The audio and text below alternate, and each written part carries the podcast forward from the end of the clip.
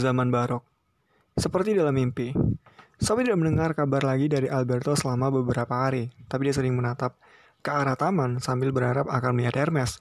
Dia mengatakan pada ibunya bahwa anjing itu telah bisa pulang sendiri dan bahwa dia diundang oleh pemiliknya, seorang mantan guru fisika.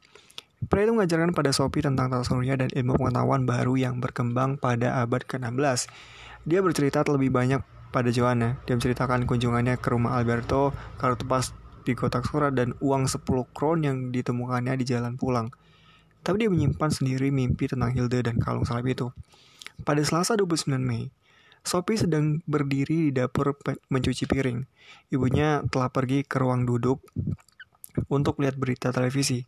Ketika lagu pembuka sudah selesai, dia mendengar dari dapur bahwa seorang mayor di batalion PBB Norwegia telah terbunuh akibat sebuah granat. Sophie melemparkan serbet piring ke atas meja dan bergegas menuju ruang duduk. Dia tiba tepat pada waktunya untuk melihat sekilas wajah perwira PBB itu selama beberapa detik sebelum mereka berpindah ke soal lain. Oh tidak, dia berseru. Ibunya berpaling kepadanya. Ya, perang memang mengerikan. Tangis Sophie meledak. Mengapa Sophie? Apakah mereka sebutkan namanya? Iya, tapi aku tidak ingat. Dia berasal dari Grimstead, kukira. Bukankah itu sama dengan Nielsen? Tidak, kamu tolol sih. Tapi jika kita berasal dari Grimstead, kita mungkin akan bersekolah di Lelesen. Dia berhenti menangis, tapi kini giliran ibunya yang bereaksi. Dia bangkit dari kursi dan mematikan televisi. Ada apa, Sophie? Tidak apa-apa. Ya, ada apa?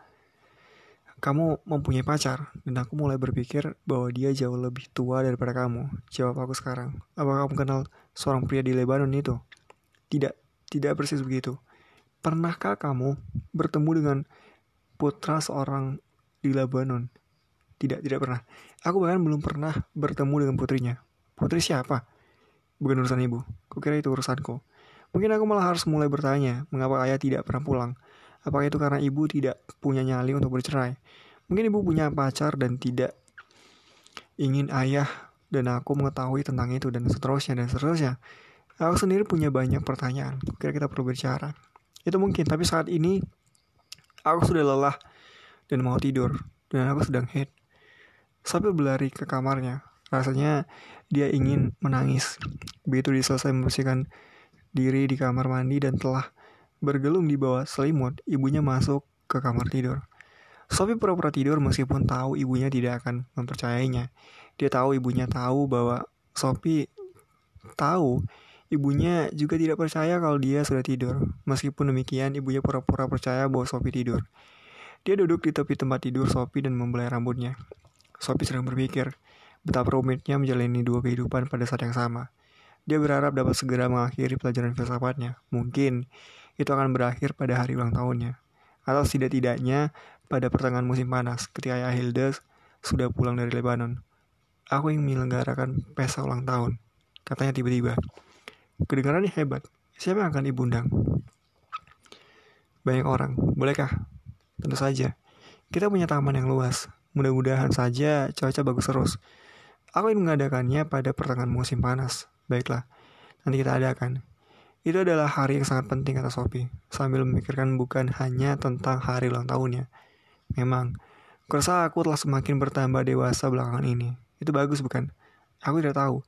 Sophie berbicara kepada ibunya dengan kepala terkubur di bantal.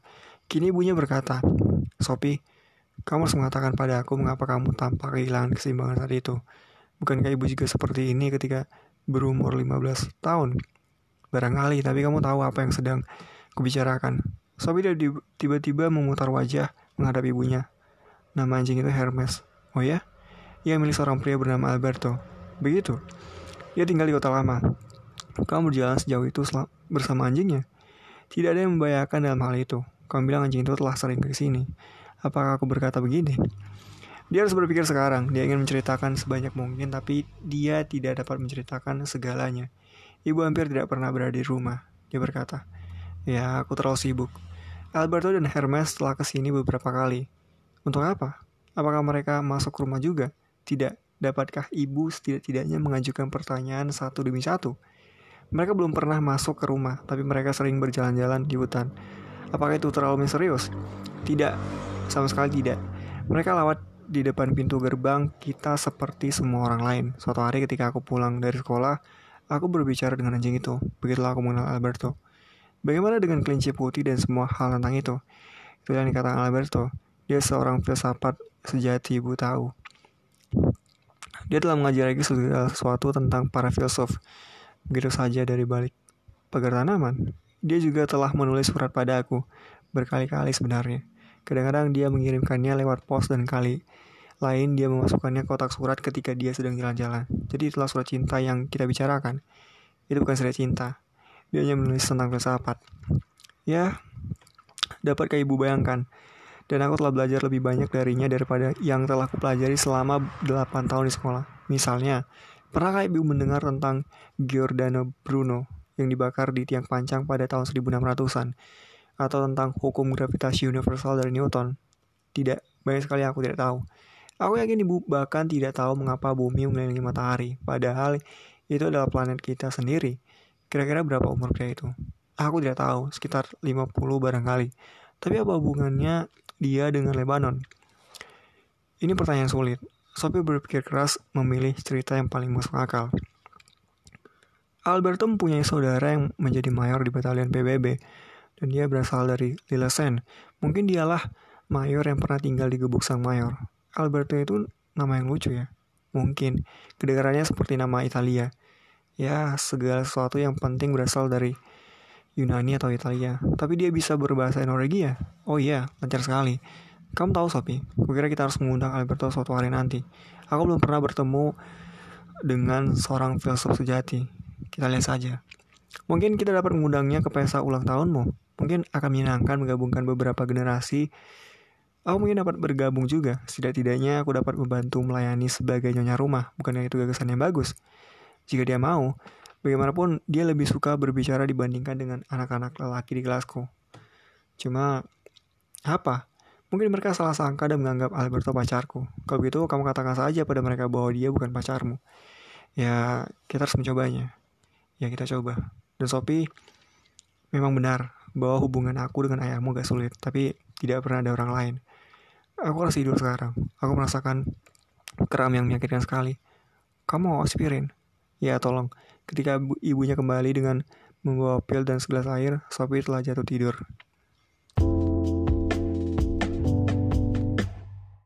Tanggal 31 Mei adalah hari Selasa. Sophie menderita sekali sepanjang pelajaran siang di sekolah. Dia mendapat kemajuan besar sejak mulai belajar filsafat. Biasanya nilai-nilainya cukup baik dalam kebanyakan pelajaran, tapi belakangan nilai-nilai itu semakin baik, kecuali dalam bidang matematika. Dalam pelajaran terakhir, de, hari itu esai mereka dikembalikan. Sophie telah menulis tentang manusia dan teknologi. Dia menulis banyak sekali tentang renaissance dan terobosan ilmiah. Pandangan baru tentang alam dan Francis Bacon yang pernah mengatakan bahwa ilmu pengetahuan adalah kekuatan. Dengan hati-hati, dia mengemukakan bahwa metode empiris muncul sebelum penemuan-penemuan teknologi. Selanjutnya, dia menulis tentang hal-hal yang dapat dipikirkannya mengenai teknologi yang tidak begitu bagus untuk masyarakat.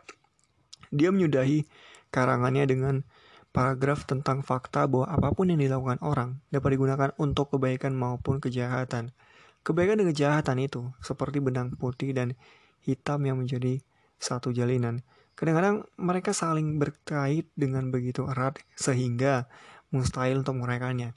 Ketika guru membagikan buku latihan, dia memandang pada Sophie dan mengedipkan matanya. Sophie mendapat nilai A dan komentar. Dari mana kamu mendapatkan semua ini? Ketika berdiri di sana, Sophie mengeluarkan pena dan menulis dengan huruf-huruf cetak di pinggiran buku latihannya. Saya belajar filsafat. Ketika dia menatap lagi buku itu, sesuatu jatuh dari sana. Itu adalah sebuah kartu pos dari Lebanon. Hilda sayang, ketika kamu membaca kartu ini, mungkin kita telah berbicara lewat telepon tentang kematian tragis yang terjadi di sini.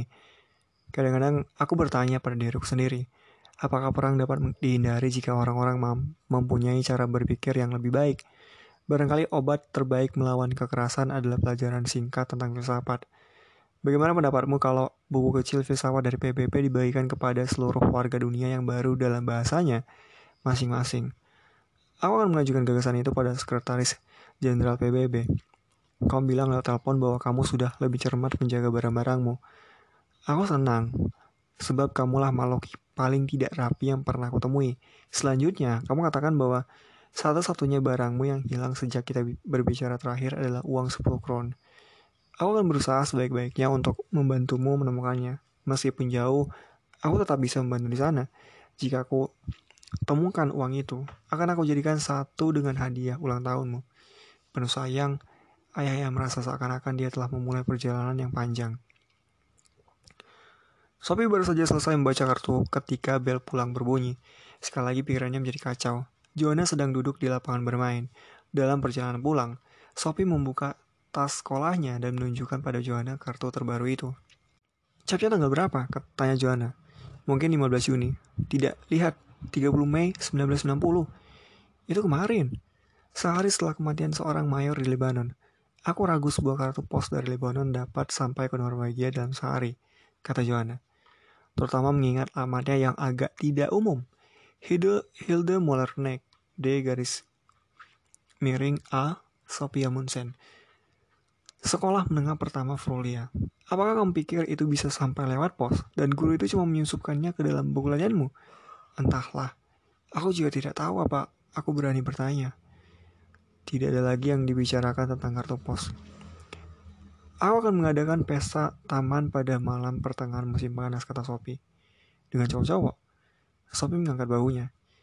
Kita tidak harus mengundang yang blow on. Tapi kamu mau mengundang Jeremy. Jika kamu ingin, ngomong-ngomong, aku mungkin mengundang Alberto Knox. Kamu gila, biarin. Sampai di situ pembicaraan terhenti dan mereka berpisah jalan di depan pasar swalayan. Yang pertama-tama dilakukan Sophie ketika sampai di rumah adalah melihat apakah Hermes berada di taman. Memang benar dia ada di sana, mengendus-gendus seputar pohon apel. Anjing itu berdiri tak bergerak sesaat. Sophie tahu benar apa yang sedang terjadi saat itu. Anjing itu mendengar seruan mengenali suaranya dan memutuskan untuk melihat apakah Sophie ada di sana. Lalu setelah menemukan Sophie, ia mulai berlari menghampirinya. Akhirnya, keempat kakinya bergerak cepat bagaikan tongkat drum. Sungguh banyak sekali kejadian yang berlangsung dalam sesaat.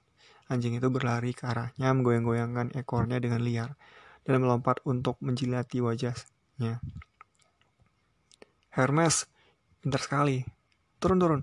Tidak, jangan membasahi tubuhku dengan liurmu. Duduk. Nah, begitu. Sophie berlari masuk rumah. Serekan melompat keluar dari semak-semak.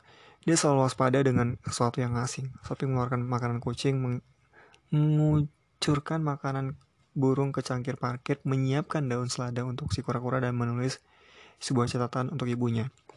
Dia menulis bahwa dia akan memulangkan Hermes dan akan kembali pada jam 7. Mereka mulai berjalan menuju kota. Sophie ingat untuk membawa uang kali ini. Dia bertanya-tanya apakah dia harus naik bus bersama Hermes. Tapi dia memutuskan lebih baik menunggu dan bertanya pada Alberto tentang hal itu. Ketika berjalan di belakang Hermes, dia memikirkan apakah sesungguhnya binatang itu. Apa beda seekor anjing dan seekor manusia? Dia dia ingat kata-kata Aristoteles. Dia berkata bahwa manusia dan binatang sama-sama makhluk yang hidup di dalam dengan banyak ciri yang sama. Tapi ada satu perbedaan antara manusia dan binatang, yaitu akal manusia. Bagaimana dia bisa begitu yakin? Demokritus. Sebaliknya, menganggap manusia dan binatang benar-benar mirip sebab keduanya terdiri dari atom dan dia beranggapan bahwa manusia maupun binatang tidak mempunyai jiwa kekal. Menurutnya jiwa itu tersusun atas atom-atom yang tersebar di tiup angin ketika manusia mati. Dialah orang yang menganggap bahwa jiwa manusia itu tak terpisahkan dari otaknya. Tapi bagaimana mungkin jiwa itu berdiri dari atom? Jiwa bukanlah sesuatu yang dapat kita sentuh seperti bagaimana tubuh yang lain, melainkan sesuatu yang bersifat rohania mereka telah meninggalkan Main Square dan sedang menuju kota lama. Ketika sampai di kaki lima tempat Sophie menemukan uang 10 kron, otomatis dia memandang ke aspal di bawah. Dan di sana, tepat di tempat ketika dulu dia memungut uang itu, terletak sebuah kartu pos dengan gambarnya menghadap ke atas. Itu adalah gambar sebuah tanam taman dengan pohon-pohon palem dan jeruk. Sophie membungkuk dan memungut kartu itu. Hermes mulai menggeram seakan-akan ia tidak suka Sophie menyentuhnya. Kartu itu berbunyi, Hilda sayang, hidup itu terdiri dari rangkaian sepanjang kejadian kebetulan. Bukan tidak mungkin, uang 10 kron kamu yang hilang itu akan muncul di sini. Mungkin uang itu dapat ditemukan di alun-alun di Lesen oleh seorang wanita tua yang sedang menunggu bus ke Christiansen. Dari Christiansen, dia naik kereta api untuk mengunjungi cucunya, dan berjam-jam kemudian dia kehilangan koin itu di sini di Newscare. Maka sangat mungkin kalau koin yang lama yang sama kemudian dipungut oleh seorang gadis yang benar-benar membutuhkannya untuk pulang naik bus. Kamu tidak pernah bisa menduga, Hilda. Tapi jika benar begitu, kita harus benar-benar bertanya apakah kemahakuasaan Tuhan itu ada di balik segala sesuatu atau tidak. Penuh sayang, ayah yang ruhnya duduk di atas dok di rumah kita di Lesen. Catatan, aku pernah mengatakan akan membantu menemukan uang 10 kron itu. Pada halamannya tertulis Hilde Mullerknecht D garis miring A siapa saja yang lewat. Kartu pos itu dicap 15 Juni 1990. Sopir berlari menaiki tangga mengikuti Hermes begitu Alberto membuka pintu. Sophie berkata, Minggir, tukang pos datang. Dia merasa punya alasan untuk marah. Alberto berdiri menyamping ketika dia mendesak masuk. Hermes membaringkan tubuhnya di bawah pasak-pasak mantel seperti sebelumnya. Apakah sang mayor memberi kartu pos lagi anakku? Sophie mendongak ke arah Alberto dan melihat bahwa dia mengenakan kostum yang ganjil. Dia memakai rambut palsu panjang keriting dan pakaian lebar dan longgar dengan banyak renda-renda. Dia memasang selendang sutra mencolok di lehernya dan di bagian paling luar pakaiannya, dia menyampirkan mantel merah tanpa lengan. Dia juga mengenakan stocking putih dan sepatu kulit yang tipis dengan tandukan.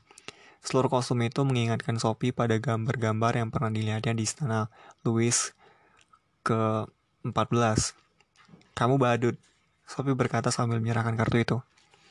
Hmm, dan kamu benar-benar menemukan uang 10 kron di tempat yang sama di mana dia meletakkan kartu itu. Tepat.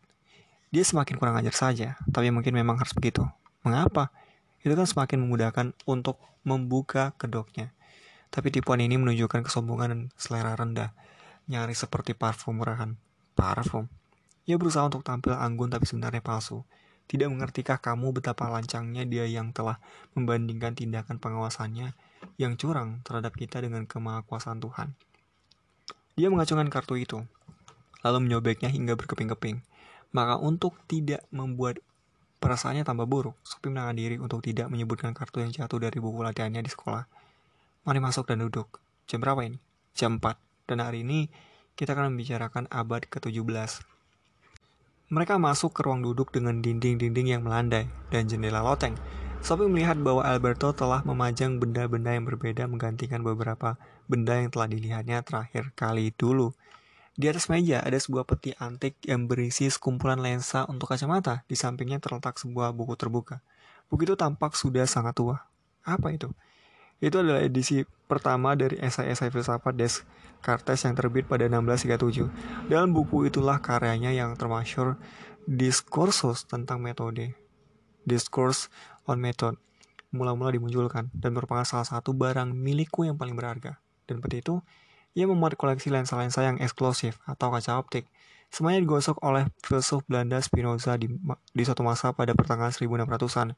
Benda-benda itu sangat mahal dan merupakan hartaku yang paling berharga juga. Aku mungkin akan lebih mengerti betapa berharganya benda-benda ini jika aku mengenal siapa Spinoza dan Descartes. Tentu saja, tapi pertama-tama mari kita coba mengakrabkan diri dengan periode kehidupan mereka. Duduklah. Mereka duduk di tempat yang sama seperti sebelumnya. Sophie di kursi besar berlengan dan Alberto Knos di atas sofa. Di antara mereka ada meja de dengan buku dan peti itu. Alberto melepaskan rambut palsunya dan meletakkannya di atas meja tulis.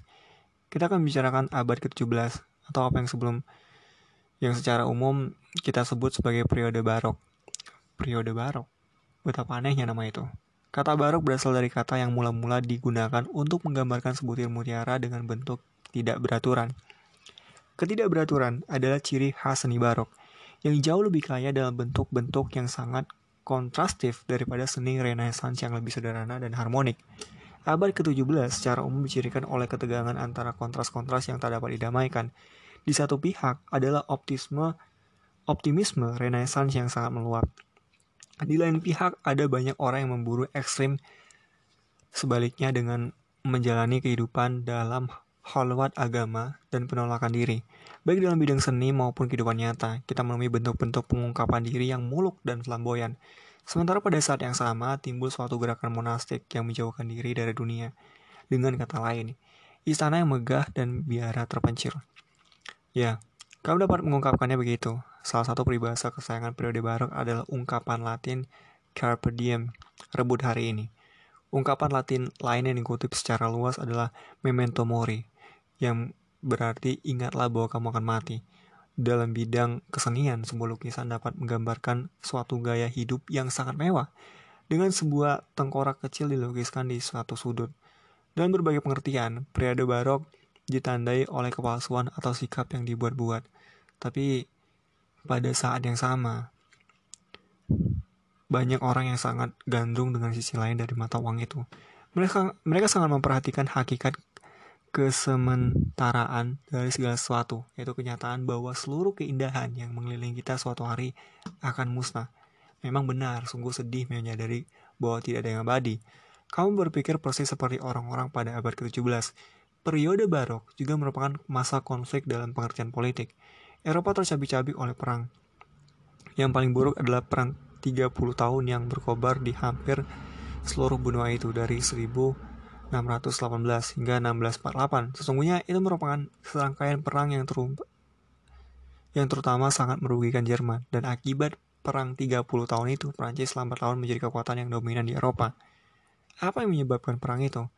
Perang itu terutama adalah antara penganut Protestan dan penganut Katolik tapi juga melibatkan perebutan kekuatan politik. Kurang lebih seperti Lebanon.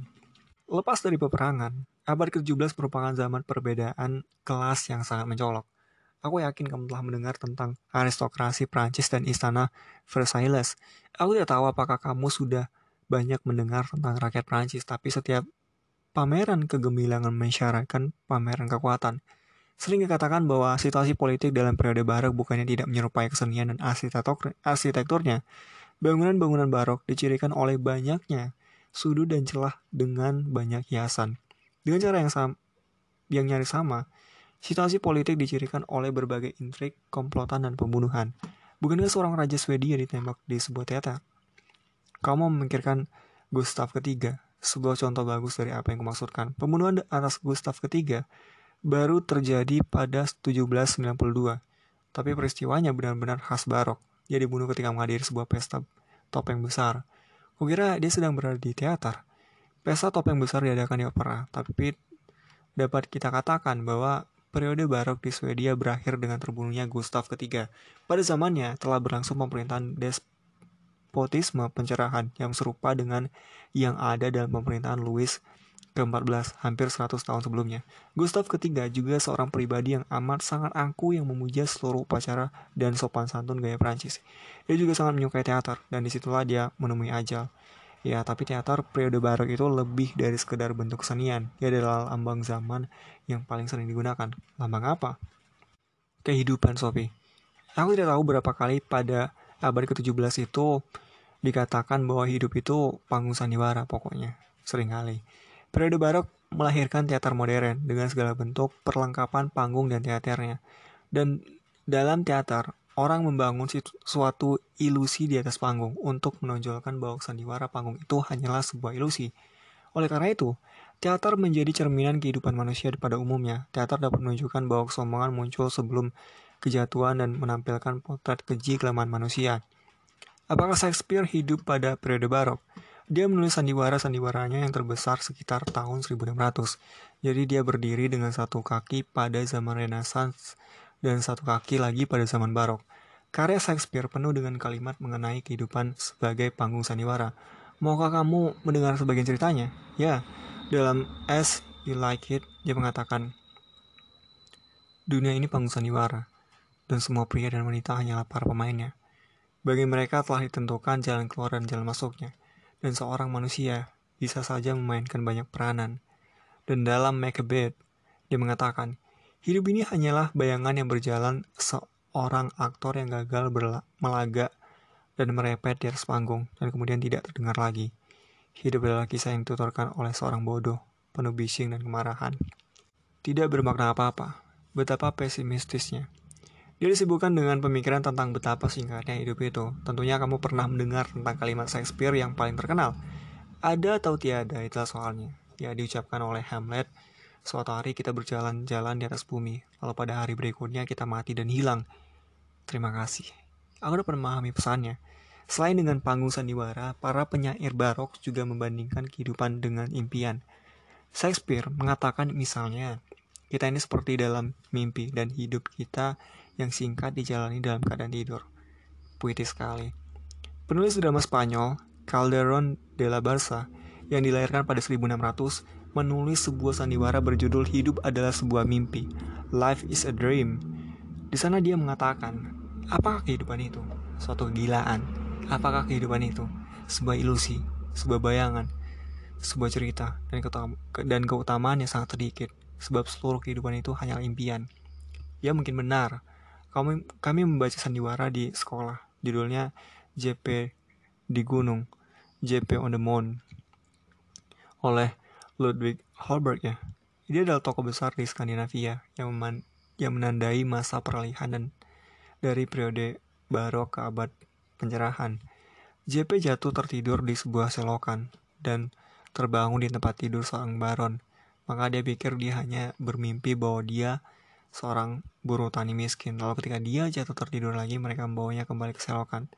Dan dia terbangun lagi. Kali ini dia berpikir dia hanya bermimpi pernah berbaring di tempat tidur sang baron. Halberg meminjam tema ini dari Calderon, dan Calderon meminjamnya dari cerita Arab kuno, Seribu Satu Malam.